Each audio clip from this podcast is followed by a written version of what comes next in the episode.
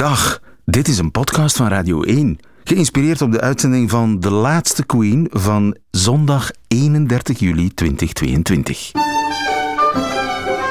declare before you all my whole life shall be your service. Al 70 jaar zit de Britse koningin op de troon. And out on the balcony of the palace stands the Queen crowned. Ze is de langst regerende vorstin aller tijden. Thank you for making me feel so old. In De Laatste Queen praat Lieven van den Houten met Jode Poorter en andere eminente koningshuiskenners. A chance to give thanks for the enormous changes of the last 70 years. Zij beantwoorden alle prangende vragen over de vrouw onder de kroon. So there are some disadvantages to crowns, but, but otherwise they're quite important things. En over de sleutelfiguren in haar leven. She has quite simply been my strength and stay all these years. De Laatste Queen. God save Queen Elizabeth. Vandaag over haar zoon Prins Charles. Goedemiddag, Prins Charles, de Prince of Wales, eerste in lijn voor de troonopvolging. De kroonprins van 73 gaan we vandaag grondig doorlichten met Jode Poorter. Goedemiddag. Filip Feiten, maar eerst het weer. This afternoon it'll be cold, wet, and windy across most of Scotland. In the west, rain will be lighter and patchier. There will maybe a few drier interludes over Dumfries House in Ayrshire. Aha. There'll be snow for the higher ground of the Highlands and Aberdeenshire. The potential for a few flurries over Balmoral. Who the hell wrote this script? Uh, as the afternoon goes on. But a cold day everywhere with temperatures of just 8 Celsius and a brisk northeasterly wind. Thank God it isn't a bank holiday. Ja, eh, kans op windvlagen. mooi accent, hè? Mooi gedaan, ja. Eh, kans op windvlagen boven Balmoral, zegt hij, eh, Prins Charles op bezoek bij BBC Scotland. Bij hun 60ste verjaardag. Goedemiddag, Jode Poort. Goedemiddag. Jij schreef het boek De Laatste Koningin over de koningin en de sleutelfiguren in haar leven. Inspiratiebron voor dit programma. Zeker. Ik, eh, eh, ik pleit schuldig. En daarnaast wil ik ook nog zeggen dat hij dit heel geregeld doet. Ik zag hem een paar weken geleden. De was- schavuit. De schavuit, ja, was hij op de... Maar dat is wel grappig. Hij was op de set van EastEnders of Coronation Street. Een van de twee. Juist. Ik denk dat het EastEnders was. En er was nogal een lollige blonde actrice. En ze maakte een foto op het einde van zijn bezoek. En zij had het koud. En galante heer, eh, als hij is, had hij zijn licht kashmieren jas. Die trekt hij uit en drapeert hij over haar schouders. En die vrouw was natuurlijk in de wolken. Want ze bleek ook nog een zeer grote royaliste te zijn. Maar aan het eind van het verhaal, dus na een minuut of drie, zag je hem wel weer die jas uittrekken. Zo En hij- charmant was de prins hij heeft wel die jas weer ehm, mee naar huis genomen. Want dat is, en daarna is het helemaal flip zijn, zijn prins. Maar dat is zo typisch aan hem. Hij draagt echt samen met zijn zus Anne nog kleding vanuit eh, de middeleeuwen. bijna. vroege Er 1900 wordt heel jaren. veel. Hij wordt eh, de laatste jaren steeds meer gezien als een soort tijdloos stijlicoon. En heel veel, als je goed royalty watcht, wat ik een vreselijk woord vind, dan kan je kostuums uit, terugzien uit de jaren 90, 80, 70. En Niets gaat verloren. bijna nog hetzelfde figuur. Jouw boek is ook te winnen via radio1.be. Zijn ik erbij. Goedemiddag, Flip Feiten. Hallo. Flip, je bent VRT-journalist. Ja. Je bent lange tijd eindredacteur geweest van De Zevende Dag. 12 jaar. Maar je bent ook eerst aanwezend queenkundige. Overigens heb je ook een boek geschreven, dat vertel ik er graag bij. Upper Lips. Je hebt Ja. dat meegeschreven met Harry de Papa. Klopt. Bestseller, hè? Ja, ja, ja, ja. ja, Over Englishness. Acht drukken toch? Ja. Acht drukken, alstublieft. Kijk eens aan. En jij bent eerst aanwezend queen-deskundige Dank u wel. van de VRT. Je mag nu sterven. Dit is, dit is klaar. Ja, het voilà. leven is volbracht. Vandaag in de laatste Queen leggen wij op tafel Prins Charles. Weken en wegen bij Prins Charles, de man die al 70 jaar op de bank zit. Ja, eh, wereldrecord. Eh, Bank zitten. da- bank zitten, ja, absoluut. Het wereldrecord kroonprinsen. Ja, absoluut. No- nooit iemand bij leven en welzijn, nooit iemand eh, die het langer volgehouden. Wil hij het nog? Ja hoor, dat denk Ja? ik wel. Ja, dat denk ik wel. Ben je het zeker? En 100% absoluut. Het is een heel dubbel ding natuurlijk, want in de loop van de jaren hij heeft heel, een heel moeilijke relatie met zijn moeder gehad als kind en als jongeman. Maar nu zie- hebben ze elkaar toch wel gevonden in hun beider oude dag, moet ik zeggen. En aan de ene kant is het, zal het het verlies zijn van zijn dear mommy, zoals hij haar noemt. Ja, dat is heel raar, hè? Je zit eigenlijk te wachten op haar dood, terwijl je haar wel- graag ziet. Ja, is wel iets wat vaker wat je ziet, ook niet in koninklijke kringen, in familiebedrijven, dat dat zo is. Dat de oude papa of mama moeten afscheid nemen voor de jongen, als die dan nog jong zijn, aan de bak kan komen. Dus dat is een hele grote dualiteit. Aan de ene kant wil hij heel graag Ehm, maar ja, dat betekent eh, eh, dat zijn moeder zal gestorven zijn. En dat is wel een triest ding voor hem. Ja. Is hij wel geschikt? Want hij wordt door heel veel mensen gezien als een ja, wat pompeuze dandy. Het maakt niet uit. Het gaat niet over of je het kan of niet. Het gaat erover dat je de oudste bent. Dat is degene die het vak krijgt. Nee, maar dat, Ja, is juist. Je mag dat de Praat hij tegen planten? lummel zeggen. En Niet in mijn bijzijn, dat is nog nooit gebeurd. Maar ik hoor wel die verhaal, ja. Ja, eh, weet je, hij heeft een heel rare filosofie. Dat, dat wordt, eh, heeft dat ooit eens neergeschreven in een boek. Dat boek heet Harmony. En eh, alle mogelijke hovelingen zullen uit alle macht proberen om daar zo weinig mogelijk aandacht aan te besteden. Want daar staat zijn filosofie in. En die, Daar hoort bij praten met bomen, ja, daar hoort knuffelen. bij praten met bomen. En Hij is, hij is al gezien terwijl hij een boom de hand schudt. Toch geknuffeld. En hij is licht esoterisch van inslag. Dus hij vindt het, het... En hij heeft daar al plannetjes voor als hij ooit koning zal worden. Dus de queen is nu de defender of the faith. En the faith is het Anglikaanse geloof. Hij is van plan om defender of faith te worden. En dan maakt het niet uit of je dan moslim bent of graag wierookstokjes hebt. Dat maakt allemaal niet uit, maar het gaat over het diepzinnige. We moeten nog zien of dat gaat lukken. Ik denk Hij wil dat, dat ze hem- wel. Hij wil het, absoluut. Eh, maar ik denk dat ze hem gaan overtuigen om dat van Toch dat de plan, zoals houden. zoveel van zijn plannen, af te zien. Ja. Eh, groene jongen, het begane milieu, maar wat weinig mensen weten, hij is een autofreak en dat geeft hij ook zelf toe. Well, yes, yes. But um, that was before we knew what the problems were, particularly. But I, my old Aston Martin, which I've had for 51 years, that runs on, can you believe this, surplus English white wine. You and convert and into whey fuel. from the cheese process. Ja. Charles rijdt dus op kaas en wijn. Ja. Zijn Aston Martin van meer dan 50 jaar oud doet dat. eh, classic Prince Charles, zou ik zeggen, eh, dit verhaal. De laatste queen over de kroonprins.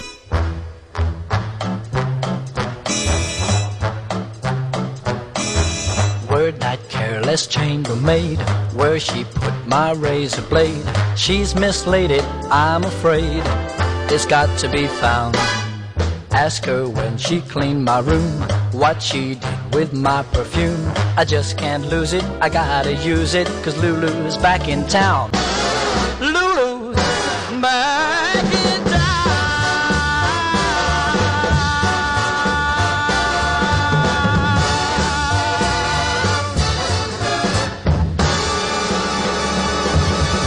Een van de lievelingsliedjes van Prince Charles doet hem aan zijn grootmoeder denken. Lulu's Back in Town. Dickie Pride en zijn grootmoeder was natuurlijk de Queen Mom. De laatste queen.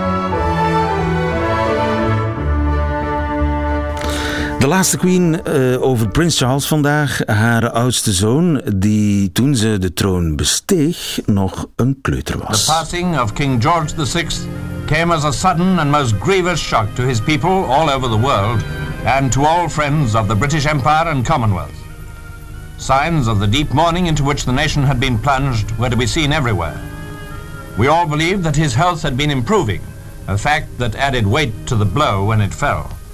Ja, 70 jaar geleden. De hele wereld rouwt om de vroege dood van koning George op zijn eh, 56ste. Ja.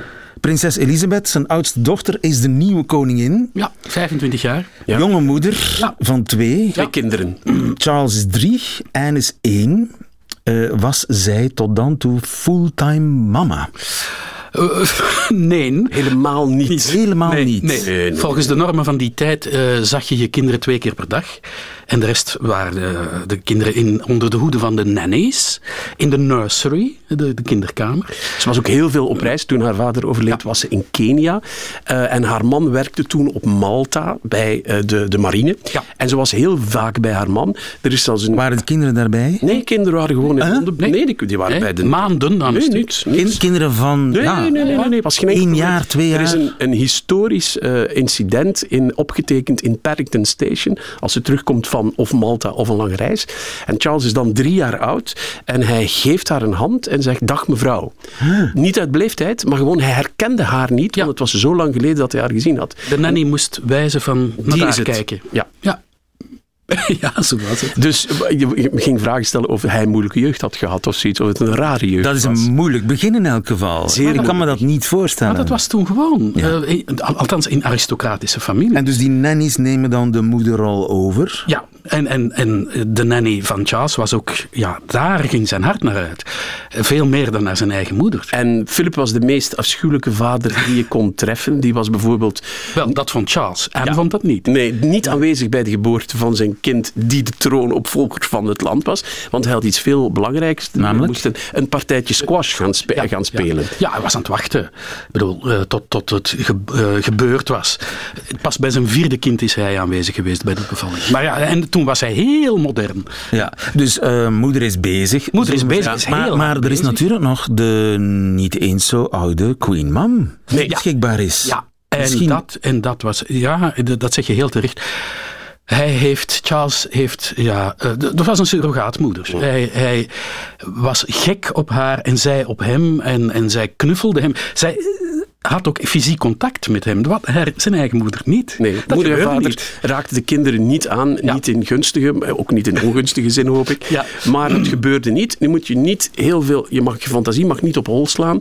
Dat je nu een hele gezellige oma ziet. Ook zij was iemand van koninklijke bloeden. Met haar, eigen- dus hij kwam daar wel eens op de thee. Of hij deed wel iets met elkaar. Maar het was niet dat zij iedere dag ging babysitten bij hem. Of lange wandelingen langs de mall deed. Ze bleef een... Weet je, hij doet mij een beetje denken aan wijlen haar man. Ja. De wat schutterige... Ja, de wat stuntelige, de kwetsbare, de tere, Stotterende. de gevoelige ehm, jongen. En die natuurlijk veel, als die Charles is naar allerlei eh, kostscholen en allerlei vreemde eh, toestanden geweest, als hij dat niet ge- gehad had, dan was hij waarschijnlijk een heel andere jongen geworden. Maar hij is daar als kind echt gekneed, maar ook geknakt, denk ik. Gebroken. Onder de invloed van zijn vader, waarmee hij eigenlijk eh, een slechte relatie had. Als ik het goed begrijp. Ja, de- dat begrijp je heel goed. Eh, Philip was heel bang dat hij een watje zou worden.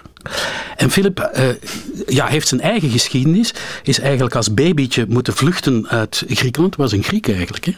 Eh, en en eh, zijn, want, want zijn vader behoorde tot de Griekse koninklijke familie. Er was een revolutie en ze werden verbannen. Maar door die verbanning ging dat huwelijk eh, van zijn ouders ook eh, helemaal stuk. En, en die heeft eigenlijk nooit zijn ouders gekend, zijn hele jeugd lang. Die is overal naartoe gestuurd, naar familieleden, ook op kostscholen. En, En Charles moest dat ook maar kunnen. ja, precies. Hij heeft, zijn vader, Philip, heeft, heeft altijd zoiets gehad van je moet voor jezelf zorgen. Je moet zelfredzaam Dat zijn. is wat hij zelf eh, gedaan Precies, en dat, dat heeft hem overeind gehouden. En hij dacht, ik moet dat ook, want mijn zoontje is veel te gevoelig, die huilt te snel. Net eh, wat, wat Johan net zei, is te kwetsbaar, eh, is te bang. Dus we moeten dat erin rammen. Beetje mannelijkheid. Beetje... En de reden dat de Queen dat toegestaan heeft, want zij wilde dat helemaal niet, ze wil liever thuis hebben of op een makkelijker school, niet zo'n harde school, is dat ze bij het begin van hun huwelijk de taken verdeeld hebben. Hè. Ik doe het koninkrijk, jij doet de kinderen. En daar heeft ze hem grote verantwoordelijkheid in gelaten. En hij heeft dat ook opgenomen en gezegd, ik beslis. Hij gaat naar noorden van Schotland, naar. En vertel eens, oh, wat is daar allemaal gebeurd? Hoe verliep die tijd daar op de... Afgrijzelijk. Eh Spartaans regime, s ochtends heel vroeg opstaan, beginnen met hardlopen, daarna een ijskoude douche. Eh, S S'nachts trouwens stonden alle ramen open van de slaapzalen. De, Zomer en winter? Geen Zomer en winter werden kin- geen verwarming, er werden kinderen wakker met sneeuw op hun lakens. Eh, en hij werd keihard gepest. Want hij was, ja. Gepest, Want ja. je komt daar als uitzonderlijk kind. Iedereen weet dat dat de, de, de, de zoon van de koningin is. En ofwel raak, wil je daar bevriend mee worden, maar die jongetjes, dat, dat werkte niet zo. Dus hij kreeg slaag. Hij is op een bepaald moment in een mand, naakt, vastgebonden, met koud water overgoten. Hij heeft brieven naar huis geschreven waar hij smeekt en bidt aan zijn vader om naar huis terug te mogen komen. Niet alleen naar, naar zijn ouders, naar god weet wie allemaal. En het mocht niet. Nee, Philip zei van nee, nee, helemaal niet. hij, hij moet daar blijven. Ik herinner mij wel beelden van de prins als jonge kerel op een paard ter terdege polo spelen. Dat is een zeer atletische sport. Op een Ja. paard Ja. zitten. En, ja, je- Ja, je- ja, ja, alsof, ja, alsof ja, jij ja. Nee, ik niet. polo kan spelen. Maar ik bedoel, dat, dat is toch een, een echte sport, binkensport. Hij, hij was, hij was slecht in voetbal, hij was slecht in rugby, maar hij was goed in roeien en hij was ook goed in polo. En dat was heel belangrijk, weet je waarom? Zijn vader speelde polo. Ja, dus En hij, hij heeft wel wilde, zijn best gedaan hij wilde ontzettend graag... om geen watje te zijn. Ja, en voor een gedeelte is dat ook gelukt. Hij slaapt nu nog met open ramen. Eh, hij, eh, ja, hij is inderdaad een beetje atletisch geworden. Maar, maar hij wilde vooral die goedkeuring van zijn vader verdienen. Het is eigenlijk oh, hartverscheurend als je het ziet. En de enige momenten in zijn jeugd waar hij zegt dat hij echt gelukkig is geweest, was als hij cello speelde, als hij boetseerde of als hij toneel speelde. Ja, en dat deed hij ook goed. Dat was hij goed. Om maar te zeggen wat voor man het was. Maar da- dan zat zijn vader in het publiek en eh, hij speelde Macbeth en zijn vader lachte hem uit. Zat op de achterste rij en moest lachen. Een vervangmoeder had hij, min of meer in de nannies, maar ook in de Queen Mum, had hij ook een vervangvader. Had hij absoluut. Ja, graaf Louis Mountbatten. Eigenlijk zijn grootoom, een oom van prins Philip. Dezelfde generatie als de Queen Mum. Eh, ja, dus hij, zei, hij is de broer van eh, de moeder van Philip. Ja. Maar dus hij is eigenlijk min of meer opgevoed door mensen uit een vorige eeuw, met een, met Ja. een idee, een cultureel idee uit Hij is helemaal eeuw. 19e eeuws opgevoed. eh, Dat hij nu eruit ziet zoals hij is en zo staat op protocol. En zich zo kleedt. Dat heeft alleen maar te maken dat hij door zeer oude mensen uit de vorige eeuw is opgevoed. Wie, wie moest er anders zijn? Er waren geen kinderen. Hè? Hij, eh, En, en bij Louis Mountbatten, grootoom Mountbatten, kan hij dan wel zichzelf zijn? Ja. ja, maar die was ook heel streng voor hem. Die heeft, eh, later heeft hij een belangrijke rol gespeeld in het vinden van meisjes of de juiste vrouw. Maar ook in het begin, hij wist dat dat de troonopvolger was en hij vond dat hij er helemaal niet uitzag als een troonopvolger. Die flaphoorn is heel lang in kwestie geweest, als kind ook. Hij heeft een aantal keer aangedrongen bij Philip en bij de Queen dat hij zich zou laten opereren en die oren laten recht Mountbatten? Mountbatten, je kan niet koning van Engeland Het zijn geen worden koninklijke met oren. Dat soort oren is onmogelijk. Jug ears. Ja, en eh, ze vonden hem te dik als kind. Ze vonden hem te, te niet mooi genoeg. De hele familie heeft heel lang op de nek van kind, het kindje Charles gezeten. Dus, ehm, Maar bij Mountbatten dat was een vertrouwenspersoon ook, die hem ook bijvoorbeeld in...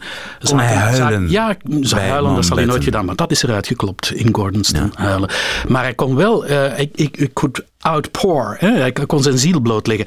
En, en hij kon eh, bijvoorbeeld ook, eh Mountbatten heeft hem bijvoorbeeld ook... geholpen bij het eh, verkrijgen van seksuele ervaring, zal ik maar zeggen. Mountbatten stuurde hem naar de meisjes, zodat hij eh, niet, niet onervaren aan de sponde tijdens zijn huwelijksnacht zou verschijnen. Eh, dat, eh, ik bedoel, dat was het soort verhouding. Hij spreekt over niemand met zoveel liefde als over die Mountbatten. En de, de Mountbatten is omgekomen bij een, een bomaanslag van de IRA in de buurt van Ierland in 79. En die dag, in augustus, beschouwt hij nog altijd als de zwartste dag in zijn leven, de ergste dag ooit. En Diana, toen ze elkaar zagen, het eerste wat zij zei van die dag keek je zo droevig. En toen ging er een belletje rinkelen bij Charles van hé, hey, die snapt mij. Oké. En, en dat heeft misschien dus, ja, Daarover later meer. Nu, hij is een 19e-eeuwse figuur met 19e-eeuwse ideeën over architectuur. You have, ladies and gentlemen, to give this much to the Luftwaffe. When it knocked down our buildings, it didn't replace them with anything more offensive than rubble. We did that. Ja. dat was voor een eh, eh, gezelschap van eh, de, de meest eminente architecten van Groot-Brittannië. Moet je je voorstellen. Nog liever de Luftwaffe dan de moderne architecten, want de Luftwaffe die beperkte zich tot het neerhalen van gebouwen. De architecten vandaag zetten er rommel voor in de plaats. Hij vindt af, nogmaals, dit heeft te maken met zijn filosofie. Hij vindt dit afgrijselijk, onharmonieus. eh, wolkenkrabbers, moderne gebouwen. Op dat moment was er ook sprake van een uitbreiding van de National Gallery, een, een groot museum. Nu, als je die tekeningen van toen ziet, dat was ook echt afschuwelijk. Hij zei, het, het, het lijkt op een karbonkel op het gezicht van een vriend. Ja, eh, het is wat mij betreft heel goed dat hij dat toen gedaan heeft, want het was echt, het zou heel lelijk geweest zijn. Wat er in de plaats kwam, eh, was dan weer te saai. Maar goed, eh, dat zei hij dus gewoon. Dat durfde hij zeggen. Eh, en, en zijn ideeën over architectuur dat gaat zo ver. Hij vond dat daar zo weinig gehoor aan werd gegeven dat hij lieven op den duur zelf een eigen stadje heeft gebouwd. Ik weet niet of je dat weet. Juist, ja. Poundbury. En dat heeft hij helemaal eh, vanuit zijn stichtingen gefinancierd. En al die gebouwen daar zijn in, het is een soort van Disneyland. Ja, een beetje bokrijk. eh, Ja, ja, achtig. Eh, Het heeft niet het patina van het verleden als je er rondloopt. Maar het is helemaal volgens zijn principes. Namaak 18e eeuwse, 19e eeuwse gebouwen. Eh, dus oud, klassiek. eh, maar wel, wel CO2-neutraal en, en wat weet ik allemaal. En, want dat is een andere dada van de prins. eh, De natuur, het klimaat. Hij Dat is een soort Greta Thunberg van la lettre. Dat moet je hem nageven. Hij heeft al over de plastic soep gesproken, de vervuiling met plastic van de oceanen, in 1970. Toen werd hij uitgelachen. Toen iedereen dacht van, zeven raar. We, we laten hem babbelen. Maar als je nu kijkt, ja, dit is het thema. De, de klimaatopwarming, de het milieu eh, van, van deze eeuw. Eh, dus eh, wat dat betreft was hij zijn tijd ver vooruit. Ja, de pers probeert hem neer te zetten soms als een loony prince die met bomen en planten praat. Zelf kan hij daar eh, een leuke grap over maken, zoals op zijn 40ste verjaardag. Only the other day, I was uh, inquiring uh, of an entire bed of um, old fashioned roses who uh, forced, forced to listen to my demented ramblings on, uh, on the meaning of the universe as I sat cross legged in the lotus position on the gravel paths in front of them. And I was inquiring of them what they thought would happen on my birthday. Ja. Self-deprecating humor, daar is hij hij- hij fantastisch is- in. hij- goed, hè? Ja, ja, ja, Hij is zeer geestig. Het is een heel... Je hebt hem ooit ontmoet? Ik heb hem ooit ontmoet, ja. Ik ben op een van de lunches voor de, eh, het huwelijk van Harry en Meghan. En hij had een aantal lunches georganiseerd waar ik via een vriendin was terechtgekomen. En dan, en er waren een tachtigtal mensen. En dan doet hij wat ze allemaal doen. Dan komt hij iedereen een praatje slaan. En dan, het is een heel, ehm, ja, eh, hij heeft heel veel humor. Hij haalt zichzelf graag naar beneden, lacht met, met zichzelf. Eh, Wordt hij onderschat? Ik denk het wel. Ja, ik denk het wel. Ik denk dat hij wel in de, de, de hoedanigheid van koning, als dat gebeurt, dat hij daar zal eh, in groeien en dat, hij de, dat de functie hem zal overnemen en hij de functie zal overnemen. Dus dat hij daardoor minder uitgesproken, minder gek, minder van de pot gerukt en meer waardig en meer koninklijk zal worden. Bij Elisabeth heb Het is je een nooit- hele intelligente man. het is een hele intelligente man. Bij Elisabeth heb je nooit de kans gehad om dat te zien, want ze is al heel vroeg aan begonnen. Dus die heeft niet die aanloopperiode gekregen. Hij is de eerste van de familie met een universitair diploma. Ja. ja, Ja. dat- ja. zoals zoveel hè, van die generatie. Ja, Houdt hij vast aan protocol? Is het een... Hij heeft het protocol in zijn hele leven nog nooit losgelaten. Alle gezelligheid, alle eh, jovialiteit, alle warmte, alles wat je van die man ervaart, past alleen maar binnen het kader van het protocol. Dus als je met hem praat, heb je een audiëntie. Altijd. Het is een leuke audiëntie, het is een grappige audiëntie, het is een soms eh, ontroerende of inderdaad relativerende audiëntie, maar het past altijd in het kader van de regels die hij zet. Hoort daar een eigen wc-bril bij? Ja, hij heeft een eigen wc-bril die hij meeneemt op reis. Het strafste verhaal is, hij werd, was ooit door een aristocratische familie uitgenodigd. En eh, op de dag dat hij ging komen, eh, de dag ervoor kwam er ineens, reed er een grote vrachtwagen voor. En toen werd eh, de slaapkamer waarin hij in zou slapen ontmanteld. En werden alle mogelijke meubelen en zijn eigen eh, bed daar geïnstalleerd. En toen reed die vrachtwagen weg en dan kwam er een andere vrachtwagen. En dat was de catering. Eh, die aristocratische familie heeft hem geen tweede keer uitgenodigd. Een eigen bril? Waarom Ja, ja. een eigen bril? Wc-bril? hygiëne, hygiëne eh, gemak, eh, gewoon zijn aan die bril. Hij heeft ook overal zijn eigen mix van martini die hij meeneemt als hij met bij mensen gaat. Maar ja. Maar dat gebeurt wel vaker hoor. De koningin Maxima van Nederland Han- brengt ook altijd haar eigen eten mee. Heel gemakkelijk als ze op bezoek komen. Mama brengt overal ter wereld haar eigen vaatje malvenwater mee om thee mee te zetten. Dus ja, van- van wie zou je het hebben? Waarom niet? Vorig jaar onthulde de prins zelf zijn favoriete liedjes. En dit is er één van. Edith Piaf, La Vie en Rose. Il me ses bras, il me parle tout bas, je vois la vie en rose. mots d'amour, des mots de tous les jours, et ça me fait quelque chose. Est entré dans mon cœur une part de bonheur dont je connais la cause. C'est toi pour moi, moi pour toi dans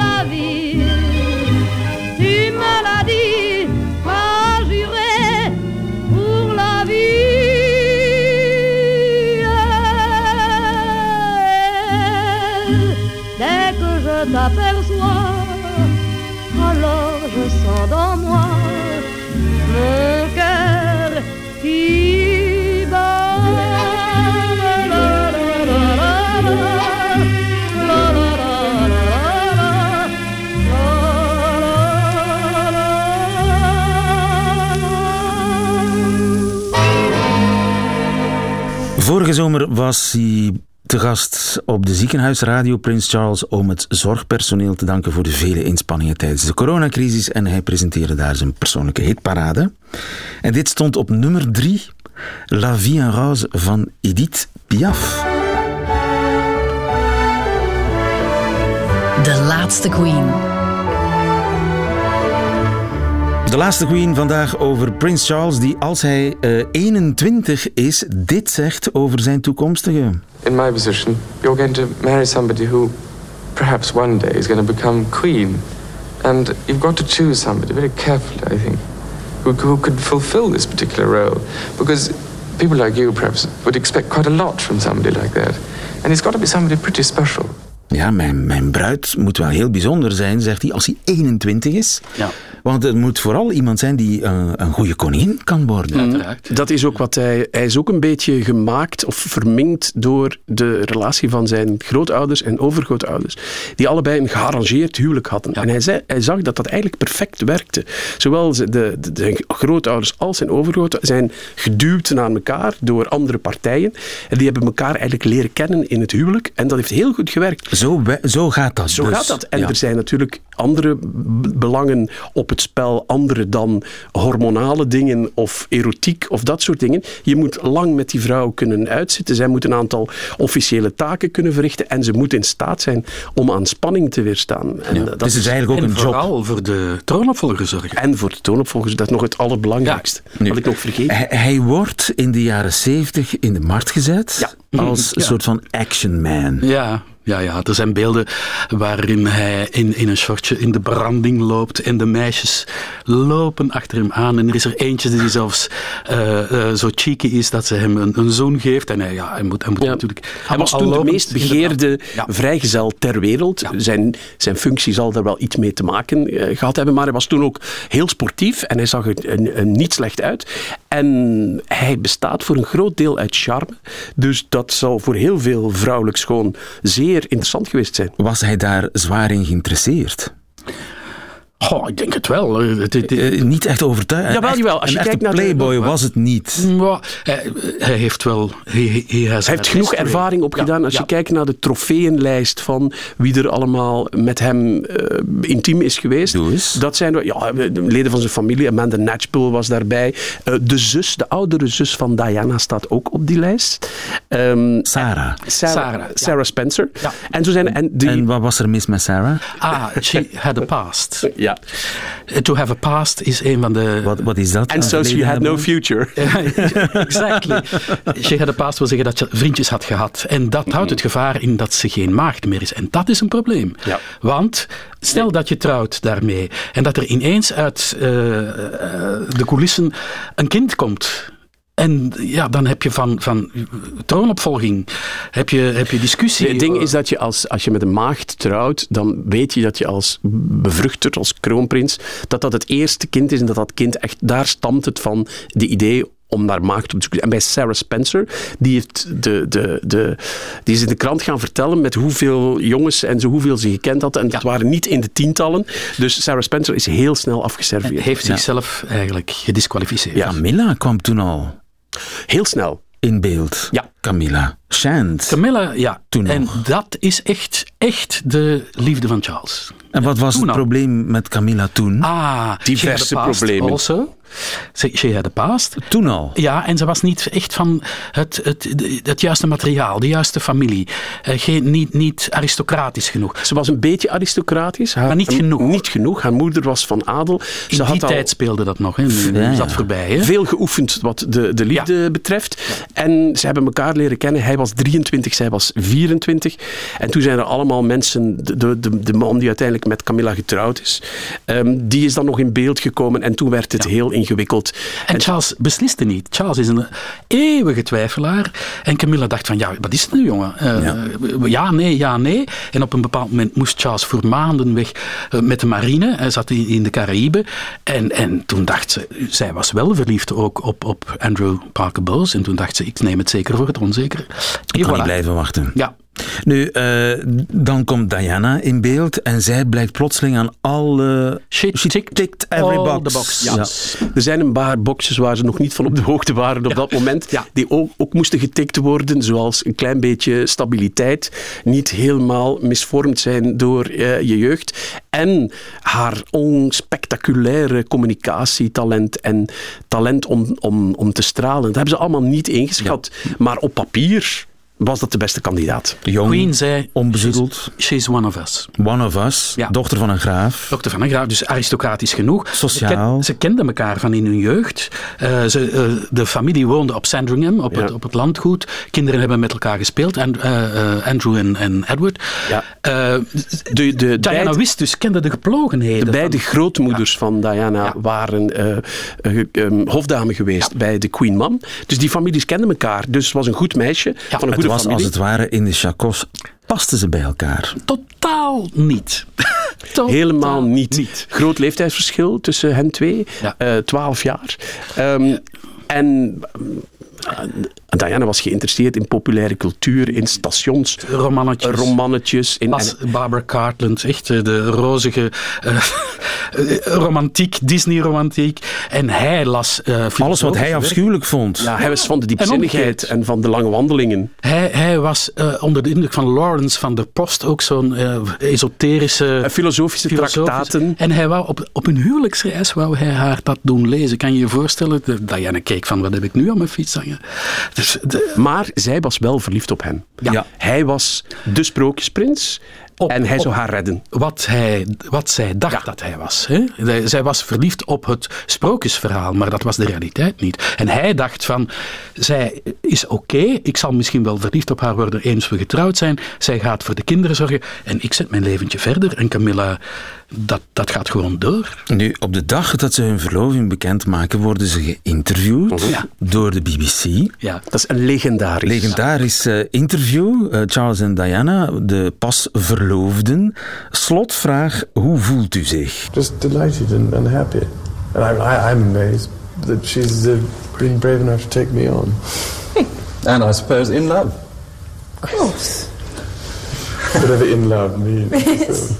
En verliefd uiteraard, vraagt de... Whatever in love. Ja, hij Whatever kan in love het means. niet over zijn lippen krijgen om te zeggen dat hij verliefd is op haar. Want hij is niet verliefd op haar. En ze hebben trouwens beiden, hebben trouwens beiden voor, de dag voor het huwelijk, allebei aan hun kant, overwogen om het huwelijk af te blazen. Wat? Allebei, aan beide kanten. Paniek aan beide kanten. Cold Eh, feet. Ja, ja en, en de, de zussen van Diana hebben haar toen over de streep getrokken en zeggen: eh, Bad luck Dutch, want ze noemden haar Dutch. eh, your face is on the tea towels. En was het omdat ze doorhad dat hij eigenlijk niet op tot ze, oren verliefd was? omdat ze doorhad dat hij Camilla nooit zou loslaten. Ze had toen genoeg tekens gezien en eindelijk was haar frank gevallen van: hé, hey, hij is verliefd op Camilla, hij is niet verliefd op mij.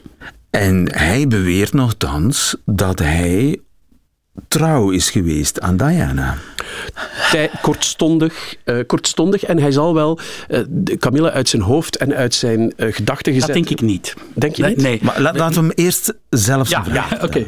Mrs. Parker Bowles is a great friend of mine. I have a large number of friends. I'm terribly lucky to have so many friends who I think are wonderful and uh, make the whole difference to my life, which would become intolerable otherwise. And she has been a friend for a very long time. And uh, along with a lot of other friends, and will continue to be a friend for a very long time. And I think also, uh, most people probably would, would realize that when marriages break down, awful and miserable as that is, that so often, you know, that it is your friends who are the most important and um, helpful and understanding and encouraging. Otherwise, you would go start raving mad. And uh, that's what friends are for. Did you try to be faithful and honourable to your wife when you took on the vow of marriage? Yes, absolutely. And you were? Yes.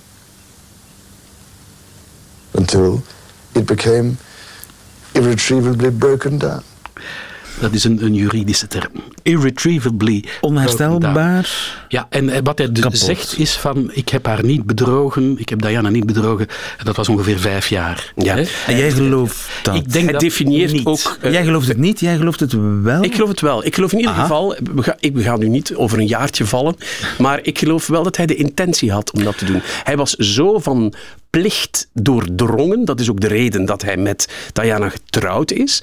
Die plicht is, is, zit in al zijn aderen zo vast dat hij in ieder geval geprobeerd heeft om iets van die relatie te maken. En in het licht van zijn voorouders, die allemaal gearrangeerde huwelijken hadden, dacht hij van dat komt wel goed. Misschien word ik er niet verliefd op, maar het wordt ba- een houdbaar verstandshuwelijk. In zoverre ga ik mee. Hij zal die intentie wel gehad hebben. Maar dat huwelijk is heel snel heel fout gegaan. En op den duur geraakt hij zo geïrriteerd. En dus is hij, eh, hij moet dat kwijt. Hij vertelt het zelf, daar heb je goede vrienden voor nodig. Dus heeft hij zeker gebeld met Camille. Er zijn veel eh, momenten geweest waarop hij haar kon zien. En, en minstens geestelijk is hij al ontrouw geweest. Dus in zoverre geef ik Diana gelijk. En Wat ik je zeg niet- altijd, ik, ik lag er niet tussen. Maar het zou mij absoluut niet verwonderen dat, er ook, eh, dat het verder ging dan dat. Wat je niet mag onderschatten, is dat naast het seksuele het, en het amoureuze, is dat ehm, Diana hem enorm in de schaduw heeft gesteld in die eerste jaren van dat huwelijk. Hij kwam op eh, publieke gelegenheden, hij was altijd de held geweest, de kroonprins, de nummer één. En hij kwam ergens aan, de mensen zeiden tegen hem, oei, is Diana er niet bij? En dan had hij de standaard grap waarbij hij zei van, eh, nee, ze is er niet, dat je kan je geld terugkrijgen. Ja. En je zou denken, in zijn positie, wat maakt het uit? Nee. Nee, nee, nee, nee. nee. Dat, is- is toch een Hij is wel de kroonprins. Hè? Hij is de kroonprins. Dat- bij- als ze met z'n tweeën gingen en ze deden elke kant van eh, de, straat. de straat, dan werd er, waren er mensen die tegen hem riepen: Nee, wij willen Diana, wij willen jou niet. Ja. Ja.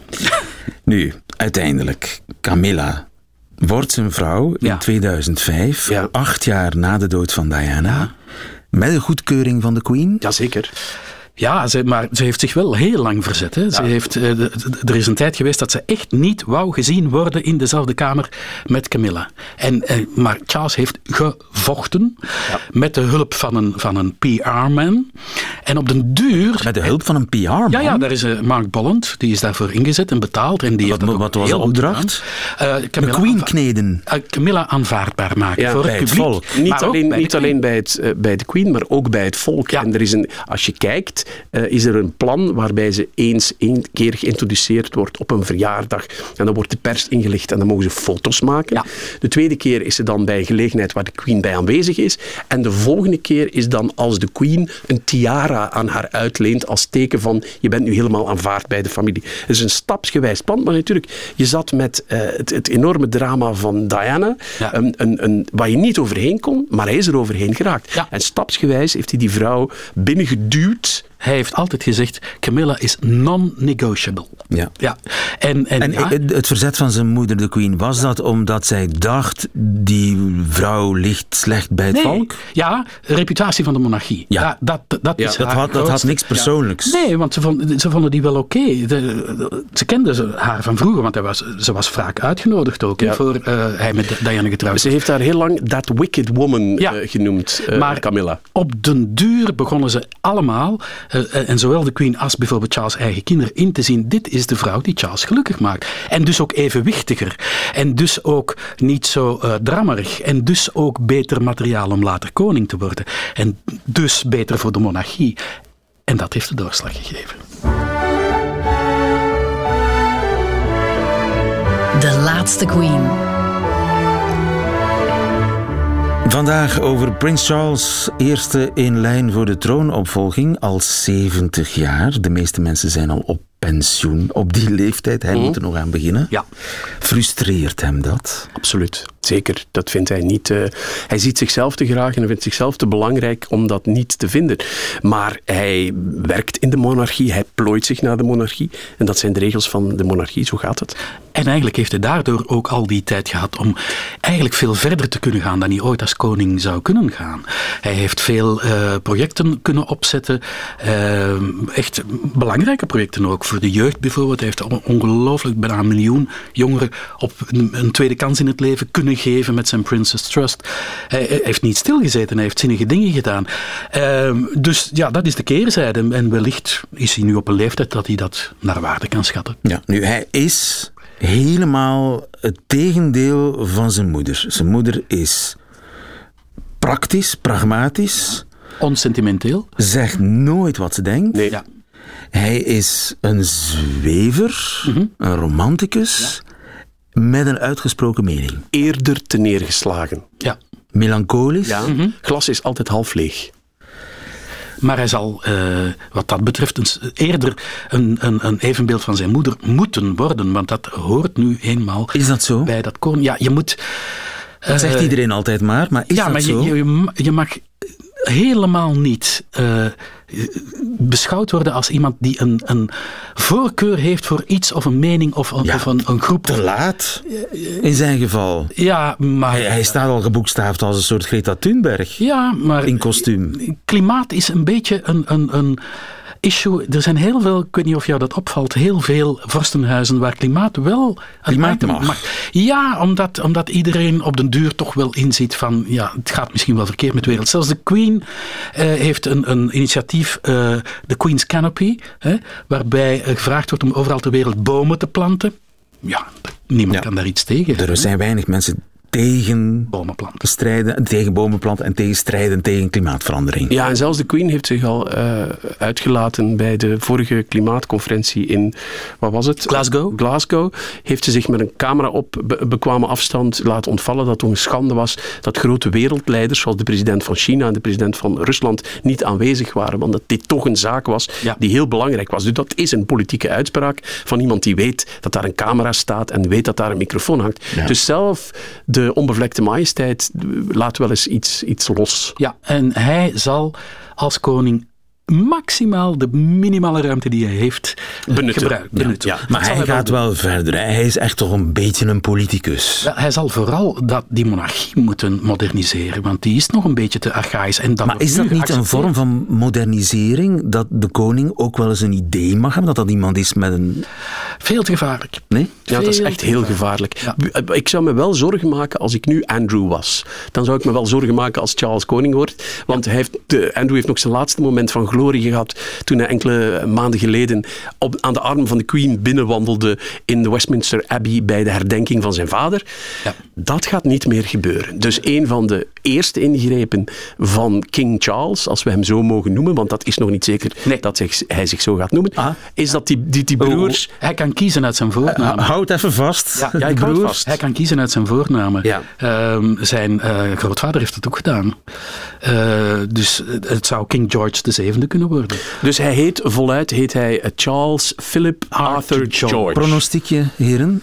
Het zou wel eens kunnen George VII worden. Het zou me niet verbazen. Maar hij is zo gekend als King Charles- Arthur. Ik zou lijkt me heel ook King Arthur zou ik heel zou leuk ook vinden. Arthur, maar dat, dat, eh, daarbij Charles III, Charles I is wel onthoofd. Hè? Dus, Ja. eh, ja, we zullen het zien. Het, eh, Maar, dus... Maar ik keer even terug naar de onfortuinlijke prins, die dan Prins nog Andrew, meer onfortuinlijk ja. wordt.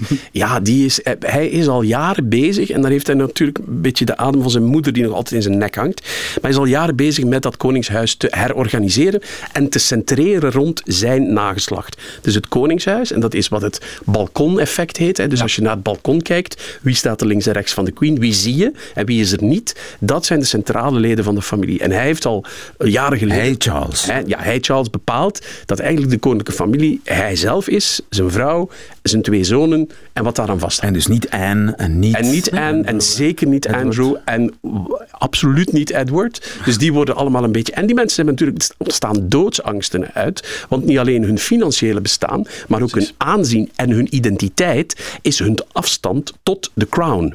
En die afstand tot de crown, die gaat hij voor sommige wegknippen en sommige zeer vergroten. Andrew ligt niet goed bij Charles. En, niet, en, en doet niet goed liggen bij, bij Charles. Zeker niet. Zij spreken niet? Oh, dat is geen... Er is een rivaliteit tussen die twee jongens van toen ze klein waren. Charles, er zit tien jaar tussen. Hè? Toen Andrew geboren werd, toen had de Queen, toen was ze eh, veilig in haar rol. En ze heeft veel meer tijd gehad en ook veel meer contact gehad met eh, Andrew. En hij was haar lievelingetje. En Charles zag dat en zag, die jongen, die, die kleine, die mag veel meer, die krijgt veel meer liefde van zijn moeder. Er is altijd een verschrikkelijke jaloezie tussen die twee geweest. Dus je kan je... Het is overal wat. Het is overal wat. En zeker nu met de kwestie die Andrew zich op de hals gehaald heeft eh, de afgelopen Ja. tijd. Nu, eh, er zijn ooit afgeluisterde telefoongesprekken gelekt met Camilla. Charles belt Camilla, Yes. of Ja. omgekeerd. Waarin Charles de wens uitspreekt om haar tampon te zijn. Ja. Ik dacht dat je dat had. Ik dacht dat we het nu gingen horen. Nee, we gaan het niet horen. We gaan het niet De- horen, de- het mooiste is, alles is mooier als het in het Italiaans zegt, maar de Italiaanse kranten hadden het toen over il tampocino. Tampotje. Nu, eh, de koning is ook het hoofd van de Anglikaanse kerk. Kan zo iemand dat worden? Op dat moment zeiden de mensen van nu heeft hij zijn kansen verkeken. Maar men heeft dat met de mantel der liefde bedekt. Men is dat vergeten. De eh, troonopvolging moet in een ongebroken lijn gebeuren, want anders eh, ondergraaf je eh, de kracht van de monarchie. Dat is één keer gebeurd hè, met eh, Edward VIII, die per se met zijn Amerikaanse. Amerikaanse dubbel gescheiden vrouw wou trouwen. In die tijd geen sprake van. Heeft gekozen voor die vrouw. Heeft als eerste vorst in heel de geschiedenis vrijwillig afstand gedaan van de troon. Toen stond de monarchie echt te daver op haar grondvesten. En dus ook het land. En dat willen ze niet. Ja, dus er is meer voor nodig dan een tampon-telefoongesprek om iemand van de troon van te zoveel houden. jaar geleden. Ja. Ja. En lichaamshygiëne boven alles. Inderdaad. Blijft hij ook, net als zijn moeder, tot zijn laatste ademstoot zitten? Oh yes. Ja? Dat betwijfel ik. Aha. Ik denk van wel. Hij gaat het een tijdje uitvoeren en nu in die familie wordt iedereen ongelooflijk oud. Dus het kan zijn dat we met King Charles, of hoe hij zich ook mag noemen, Nog 30 jaar, nog ja. een tijdje opgescheept zitten. Ik denk geruime tijd, maar als hij verstandig is en als hij denkt aan de toekomst van ehm, William, die dit jaar ook 40 is, ja, is het interessant. Kijk, als hij zo lang leeft als zijn grootmoeder, dan komt William op de, op de troon als William 67 is. Ja. ja. Nu, voor, voor Elizabeth is dat eh, troonzitten, dat is, dat is God gegeven. Dat is God gegeven. Dus Ze dat torn, is, is dat ook voor Charles zo? Ik denk van wel. Ik denk van wel. Ik denk, je, je belooft het als eh eed, eh, niet, een alleen aan, priesterschap niet alleen aan het land, ja, ja, priesterschap, maar aan ja. God. En je bent tegelijkertijd ook eh, hoofd van de Anglikaanse kerk. Dus dat is iets wat je niet zomaar... eh, nee, naast- Hij denkt sowieso dat hij blijft zitten tot de laatste snik. ik denk dat wel. En net als nu bij de Queen zou kunnen dat er taken overgeheveld worden hè, naar William, naar de troonopvolger, dat er misschien zelfs een regentschap komt. Maar ik denk dat ze allebei, Queen en Charles, sterven in het harnas. Ja, en Queen Camilla. Dankjewel, Jode Poorter. Dankjewel ook, Flip Feiten. Graag gedaan. Volgende week ben jij er weer bij. Oké. Want dan hebben we het over prinses Margaret. Oh, yes. Die Charles Aunt Margot noemt. De zus van de Queen.